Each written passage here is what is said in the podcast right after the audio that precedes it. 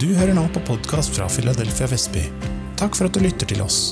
Vi håper det vil være til oppbyggelse og inspirasjon, og ønsker deg god lytting. Finn flere taler ved å søke Philadelphia Vestby i din podkastapp. I bring you greetings in the name of our Lord and Savior Jesus Christ, the one who died and rose again on the third day for you and me. I hope you are doing very well. I want to thank God for this opportunity to come your way with the word of the Lord. I want to remind you as well as encourage you with the word of the Lord that Christ is our hope. And so today our focus is on Christ being our hope. In life and in death, Christ is our hope. Hallelujah. You know, over the past couple of weeks, the focus of our anxious world has been on the corona pandemic. And we have seen how the coronavirus is disrupting our society, schools, uh, businesses, international flights, and even our borders are being closed in order to contain this virus in a lockdown. And we have seen how this issue has been reported in the news. And it seems this news is even spreading faster than the virus itself. And for many, as they look at the infection rate and the death tolls as they rise, they are discouraged, they are disappointed, they live in fear and panic. But as Christians, I want to assure and encourage you that Christ is our hope. Yes, we will follow the directives by the authorities, but ultimately, let your hope rest on Christ. Why should you rest on Christ? Because Christ is reliable, He is dependable, and once you trust in Him, you will not be disappointed. You know, the only antidote to fear, especially the fear of death, is the hope in Christ Jesus. The life of Christ is characterized by miracles. Actually, Christ specializes in dealing with the difficulties and the challenges that we face, especially the ones that we think they are impossible situations to deal with. Jesus Christ was born in a circumstance that is a miracle. He also exited our world in a manner that is also a miracle. In human terms, Christ came to our world through a door that is marked no entry. And he also exited through a door that is marked no exit. Only Christ could do that. No one else apart from Jesus Christ, our Lord. Jesus Christ was born through the Virgin Mary without the fertilization of a man and a woman. That was the door that was marked no entry.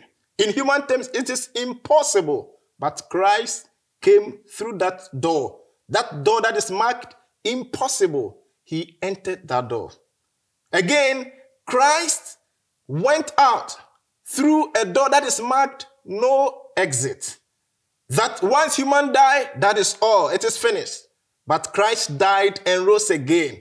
So through Christ's birth and triumphant resurrection, we can rely on him because he has conquered death, sin, sickness, and every other challenge that you can ever think of. He ever lived to make intercession for you and me. You know, we are at a critical moment that we need to pray more and focus on Christ to bring us the solution to this pandemic. And uh, it is appropriate to look at one man who was confronted with a challenge that was big and, and he was afraid, but he did something that is remarkable. And this is the king Jehoshaphat. And I would like us to read something from Second Chronicles chapter 20. After this, the Moabites and Ammonites, with some of the Meunites, came to make war on Jehoshaphat. Some men came and told Jehoshaphat, A vast army is coming against you from Edom, from the other side of the sea. It is already in Hazazon Tamar, that is in Engedi. Alarmed, Jehoshaphat resolved to inquire of the Lord, and he proclaimed a fast for all Judah. The people of Judah came together to seek help from the Lord.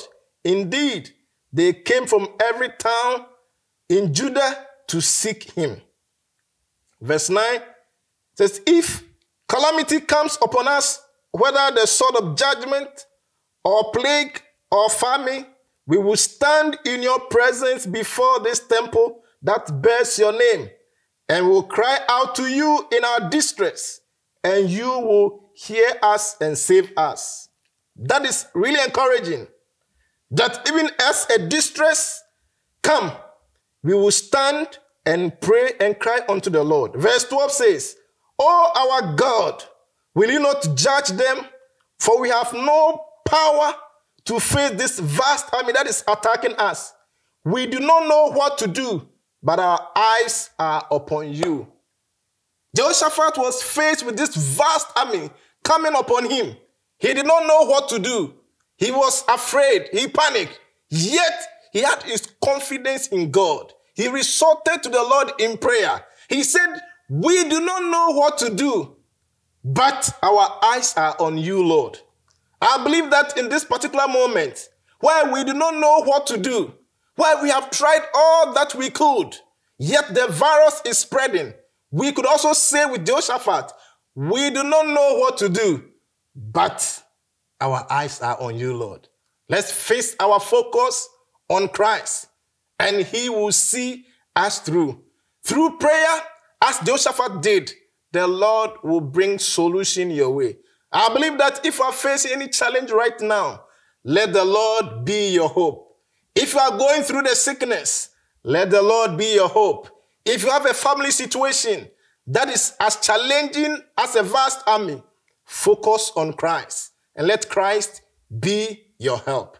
I believe that if you trust in the Lord as your Lord and personal Savior, don't be afraid that Christ will see you through in this life and even through death. Death only comes to take us to our Maker. So the ultimate end is that we will stand before our God. But glory be to God if you believe in Jesus Christ as your Lord and personal Savior, He will see you through. If you don't know the Lord as your personal Savior, I'd like to pray with you. I want you to invite the Lord into your life, tell Him about all the challenges, and the Lord will be with you. The Lord bless you and keep you. The Lord make his face shine upon you and be gracious to you. The Lord turn his face towards you and give you peace. Shall we pray? Father, we thank you for this opportunity to hear your word. Father, oh Lord, we are confronted with a difficult situation right now. Our prayer is the Lord that you take away. Let this coronavirus be eradicated in the name of Jesus. Grant your people strength to go through these times. Any challenge that your people are facing, help them and give them strength. Grant them opportunities for progress. Bless your people in the name of Jesus. Amen. God bless you. Shalom, peace, and life to you. Amen. Er du nysgjerrig på Jesus og lurer på å bli med i en menighet, men vet ikke hvor du skal begynne? Da er du hjertelig velkommen hos oss i et varmt og inkluderende fellesskap. Se filadelfiavestby.no.